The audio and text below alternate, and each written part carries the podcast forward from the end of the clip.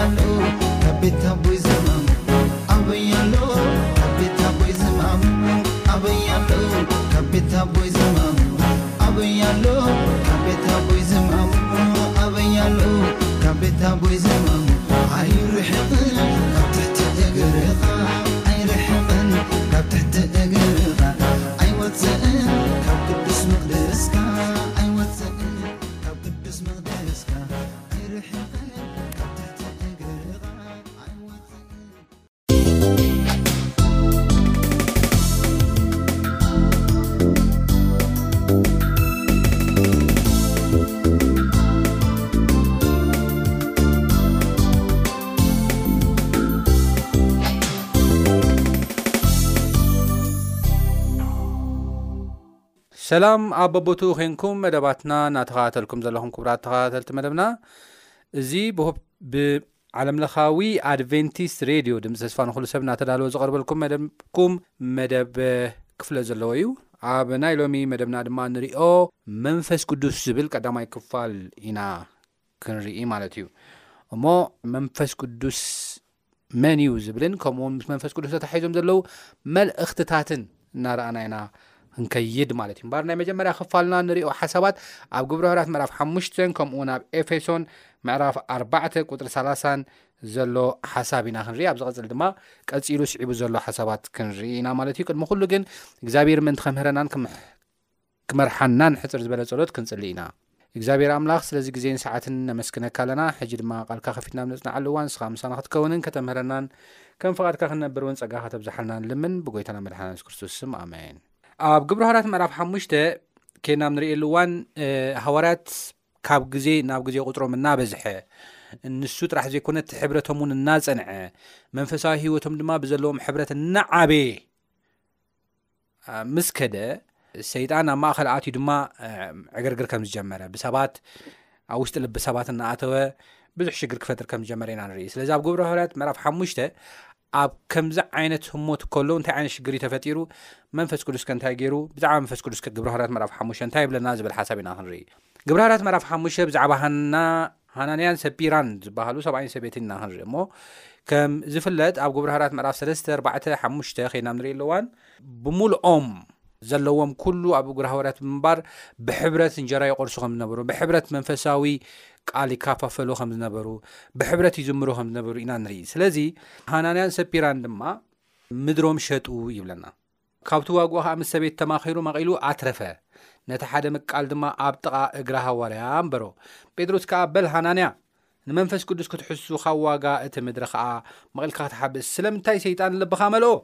ከይተሸጠስ ናትካዶ ኣይነበረን? ምስ ሸጥካዮስ ኣብ ኢድካዶ ኣይነበረን? ከመይ ጌርካኸ ነዚ ነገር እዚ ብልብኻ ሓሰብካዮ? ንኣምላኽ እምበር ንሰብ ኣይሓሶኻን በሎ።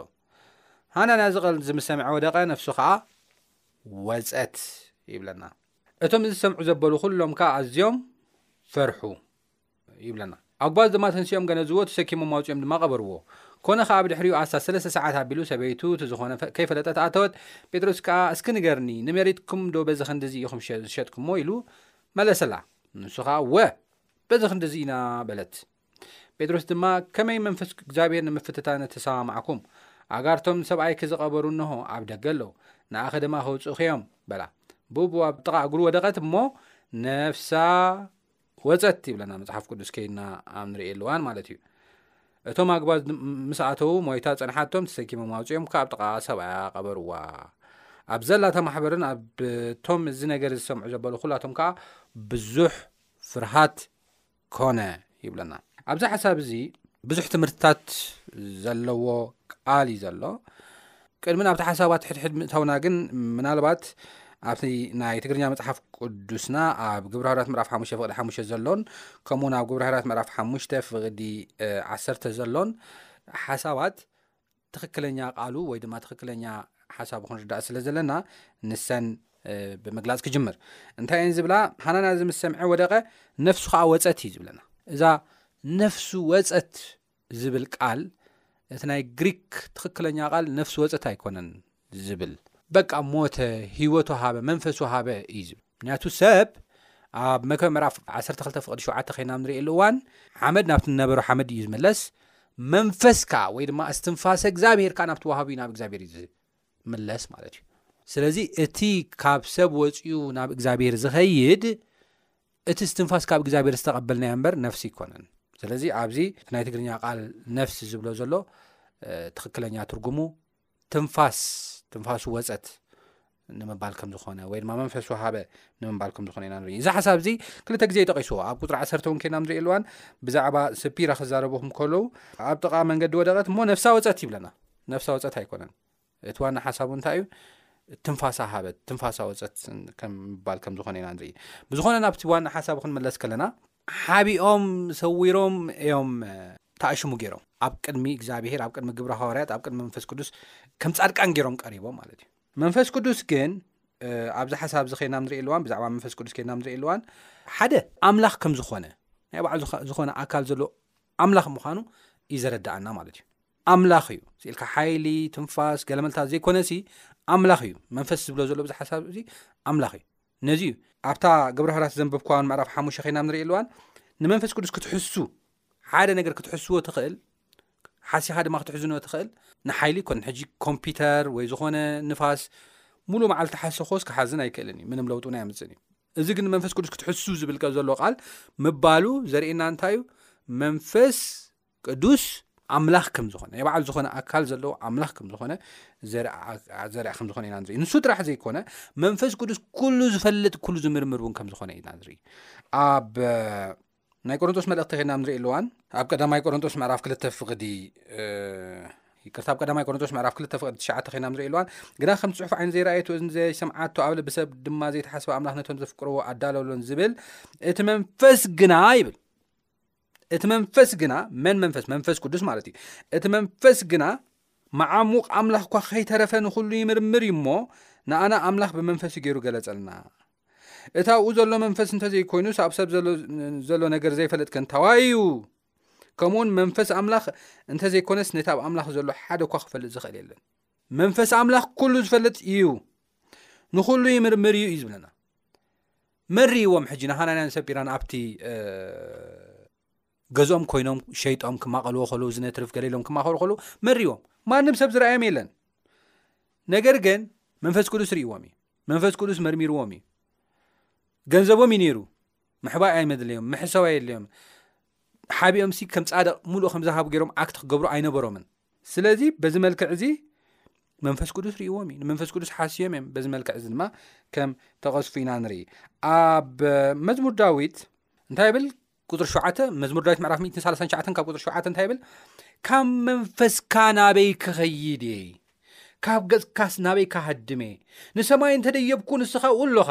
መንፀፈይ ኣብ ሲኦል እንታንፀፍኩ ንስኻ ኣኡ ኢኻ ኣኽናፉ ጋሕታ እንተወሰድኩ ኣብ ወሰን ባሕሪ እንተተቐመጥኩ ኣብኡ ከዓ ኢድካ ክትመርሓኒ የማነይቲ ኢድካ እውን ክትሕዘኒ እያ ስለዚ ካብ መንፈስካ ናበይ ክኸይድ እየ ካብ ገጽካ ኸ ናበይ ክሃድም እየ ይብለና መንፈስ ኣምላኽ ብሓደ ግዜ ኣብ ኩሉ ዝርከብ ኣምላኽ እዩ መንፈስ ኣምላኽ ኩሉ ዝምርምር ልብን ኮላሊትን ዝፈልጥ ተግባርና ዝርኢ ኣምላኽ እዩ ናይ በዓል ዝከኣለ ኣምላኽ እዩ መፅሓፍ ቅዱስ ከና ንሪኦ ኣለዋን ኢንፋክት ናብ ግብሪ ሃዋርያት ምዕራፍ ሓሙሽተ ከና ክንምልሰሉ እዋን ንመንፈስ ቅዱስ ክትሕስቡ ሲ ንምንታይ ተማኽርኩም ኢሉ ይዛረቦም እሞ ድሓር ንኣምላኽ እምበር ንሰብ ሓሶኹምን ይብለና መንፈስ ቅዱስ ኣካል ጥራሕ ዘይኮነስ ኣምላኽ እውን ምዃኑ ባዕሉ ይዛረበና እዩ ማለት እዩ ስለዚ ብቕንዕና ክንዛረብ ብቕንዕና ክንነብር ብቐድስና ክንነብር ይግባኣና እዩ ሰብ ኣይርእናን እዩ ዘሎ ኢልና ክንሽንግል ኣይግባኣና እዩ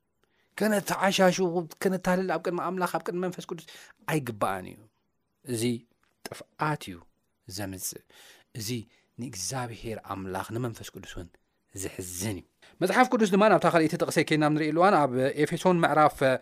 4 ፍቕዲ 30 ዘላ ሓሳብ እያ እታ ካልእቲ ሓሳብ ኤፌሶን ምዕራፍ 4 ፍቕዲ 30 ከምዚ ይንበብ ነቲ ንመዓልቲ ምድሓን ተሓተምኩምሉ ናይ ኣምላኽ መንፈስ ቅዱስ ኣይተጉህይዎ መንፈስ ቅዱስ ኩሉ ዝምርምር ጥራሕ ዘይኮነ ብሓንሳብ ኣብ ኩሉ ቦታ ዝርከብ ጎይታ ጥራሕ ዘይኮነ ኣምላኽ ባዕሉ ዝኸኣለ ኣምላኽ ባዕሉ ዝኸኣለ ናይ ኣካል ዘለዎ ኣምላኽ ጥራሕ ዘይኮነ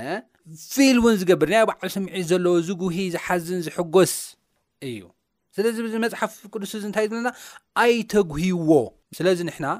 ኣብ ቅድ መንፈስ ቅዱስ ልክዕ ከም ግሉፅ ደብዳቤ ኢና ከም ግሉፃት ደብዳቤ ኢና እናታለልና ከም ግቡዛት ግቡዛት ከመይ እዮም ነሮም ፈሪሳውያን መፅሓፍ ቅዱስ ኣኣብ ማቴዎስ ምዕራፍ 2ራሰለስተን ክዛረቦም ከሎ ብዛዕባ ግቡዛት ብዛዕባ ፈሪሳውያን ክዛረብ ከሎ ብጣዕሚ ዝገርም ዘረባ እዩ ተዛሪቡ እዞም ግቡዛት ፈሪሳውያን መምሃራን እዮም ነሮም መምሃራን ናይ ሕጊ እዮም ነይሮም መምሃራን ናይቲ ናይ ኣውሪት መፅሓፍ ሓሙሽተ ናይ ምሰይ መፅሓፍታት እዮም ነሮም መምሃራን ናይ ብሉይ ኪዳን እዮም ነይሮም ስለዚ እዞም መምሃራን እዚኦም ግን ኩሉ ሰብ ዘኽብሮም ብደገ ክረኣዮ ከሎ ብጣዕሚ ዓበይቲ እኳ እንተመሰሉ ውሽጦም ግን ዝምንጥሉ ተካሉ ከም ዝነበሩ ይዛረብ እዩ መፅሓፍ ቅዱስ ከና ንሪኢ ኣለዋን ማቴዎስ ምዕራፍ ትራንሰስተንሲ ከምብቦ ድሕሪ እዚ ከዓ የሱስ ነቶም ህዝብን ደቂ መዛሙርትን ተዛረቦም ከምዚ ኢሉ ጸሓፍትን ፈሪሰማያን ኣብ መንበርት ሚሶት የቐሚጦም ኣለዉ፣ ስለዚ ዝብሉኹም ኩሉ ግበሩ ሓልዉን፣ ግናኸ ይብሉ ደኣ እምበር ኣይገብሩን እዮም እሞ፣ ከምቲ ግብሮም ኣይትግበሩ፣ ከቢድን ምጽዋሩ ዘይምችውን ጾር ጠሚሮም ንሰብ ኣብ ክሳዱ የሰክምዎ፣ ባዕላቶም ግና በጻብዖም ክትንኪዎ እኳ ኣይፈትዉን፣ ኩሉ ግብሮም ሰብ ምእንቲ ክርእዮም ይገብሩ፣ ክታባውቶም የግፍሑ፣ ዘፈር ክዳውንቶምውን ይንውሑ፣ ኣብ ምሳሕ ስፍራ ክብሪ ኣብ ቤት ጸሎቶም ድማ ኣብ ኣውራ ምቕማጥ ይፈትዉ። ኣብ ዕዳጋ ክሳለምዎም ብሰብ መምሃራን ክበሃሉ ይፈቱ ንስኻትኩም ግና መምህርኩም ሓደ እዩ እሞ መምሃራን ኣይትበሃሉ ንስኻትኩም ኩልኹም ኣሕዋት ኢኹም ኣቦኹም እቲ ኣብ ሰማይ ዘሎ ሓደ ኣብ ምድሪ ንሓደኩ ኣቦ ኣይትብሉ መራሒኹም ሓደ ንሱ ክርስቶስ እዩ እሞ ንስኻትኩም መራሕቲ ኣይትበሃሉ እናበለ የዛረብ ስለዚ ዝምንጥሉ ተኳሉ እናበለ ይፅዋዕ መን ይፈሊጥዎም ከመይ ገይሩ ፈሊጥዎም መንፈስ ቅዱስ ኩሉ ዝምርምር ኩሉ ዝፈልጥ ደቂ ሰባት ኣብ ቅድሚ መንፈስ ቅዱስ ቅሉዓ ደብዳቤ ኢና ከምቲ ሕጂ እውን ደጊመ ክብሎ ዝደሊ ቅሉዓ ደብዳቤ ኢና ስለዚ ንሕና ኣብ ቅድሚ መንፈስ ቅዱስ ንመላለስ ከም ዘለና እናተገንዘብና እናፈለጥና ክንመላለስ ይግበኣና እዩ ሰብ ተደይ ረኣየና መንፈስ ቅዱስ ከም ዝርእና ሰብ ተደይ መርመረና መንፈስ ቅዱስ ከም ዝምርምረናን ከም ዝርእናን ዘሎ ብደንቢ ክንርዳእን ክንፈልጥን ይግባእ እዩ እዚ ተረዲእና ከኣ ብቅድስና እግዚኣብሔር ብምፍራሕ ክንመላለስ ከም ዝግበኣና እዩ መጽሓፍ ቅዱስ ዝዛረበና ዘሎ። ቅጽዓት ፈሪሕና ኣይኮነን። ፍቅሪ ኣምላኽ ደሪኽና ግን ኣብ ቅድሚ ኣምላኽ ብቅድስና ክንመላለስ ከም ዝግበኣና እዩ ዝነገረና። እሞ እዚ ክንገብር እግዚኣብሔር ጸግኡ የብዛሓልና። ኣብ ዝቕጽል ናይ ናይ መንፈስ ቅዱስ ሓሳብ ኣብ ካልኣይ ክፋል ሒዘልኩም ክቐረበ እየ። ስለዚ ናይ ሎሚ ንረኣናዮ ሓሳብ ተቐዳማይ መንፈስ ቅዱስ ከምቶም ካልኦት ዝብልዎ ሓይሊ እዩ፣ ንፋስ እዩ፣ ገለመልታት ዝብልዎ ዘይኮነስ ኣካል ዘለዎ ባዕሉ ዝኸኣለ ኣካል ዘለዎ ኣምላኽ እዩ ያውም ኩሉ ዝፈልጥ ብሓደ ግዜ ኣብ ኩሉ ክረከብ ዝኽእል ዝሓዝን ዝጉሂ ዝሕጎስ ዝመርሕ ዝቋፃፀር እዩ ነቶም ኣብኡ ዝነበሩ ሃዋርያት ስለ ዝመርሖም እዮም ኣብ ጴጥሮስ ክፈልጥ ክኢሉ ጴጥሮስ ኩሉ ዝፈልጥ ስለ ዝነበረ ኣይኮነን ጴጥሮስ ሰብ እዩ ውስን እዩ መንፈስ ቅዱስ ግን ገሊፁ ኣሉ የታሉ ከም ዘለዉ ብሓይሊ ይጥቀመሎም ስለ ዝነበረ መንፈስ ቅዱስ በዚ መልክዕ እዚ ድማ ዓብ መቕዘፍቲ ከም ዝኾነ ኢና ንርኢ እቲ ካልኣይቲ ንምሃሮ ብዚ ከዓ እንታይ እዩ ሓጢኣት ምትላል ኩል ግዜ ዘይንስኻ ምምሳል ግብዝነት ማለት እዩ ኣክት ምግባር ኣብ ቅድሚ እግዚኣብሄር ፍንፉን እዩ ቅድሚ ኢለ ነጊረኩም እየ የሱስ ክርስቶስ ብዛዕባ ፈሪሳውያን ክዛረብ ከሎ ዝምንጥሉ ተኸዋሉ እናበለ እዩ ዝፅውዖም ተኸዋሉ እዮም ስለዚ ዘምስል ኩሉ ግብዝነት ኩሉ ኣብ ቅድሚ እግዚኣብሔር ኣዝዩ ኣፀያፊ ነገር ከም ዝኾነ ፈሊጥና ካብ መምሰልቲ ምዃን ክንርሕቕ ከም ዝግባኣና እዩ ኣብዚ ሓሳብ እዚ ናይ ሎም ተማሂርናዮ ዘለና ማለት እዩ ዝን ከም ቃሉ ክንነብር እግዚኣብሔር ፀጉ የብዝሓልና ኣብ ዝቐፅል ብካልእ ክሳብ ንራኽብ ሰላም ኩኑ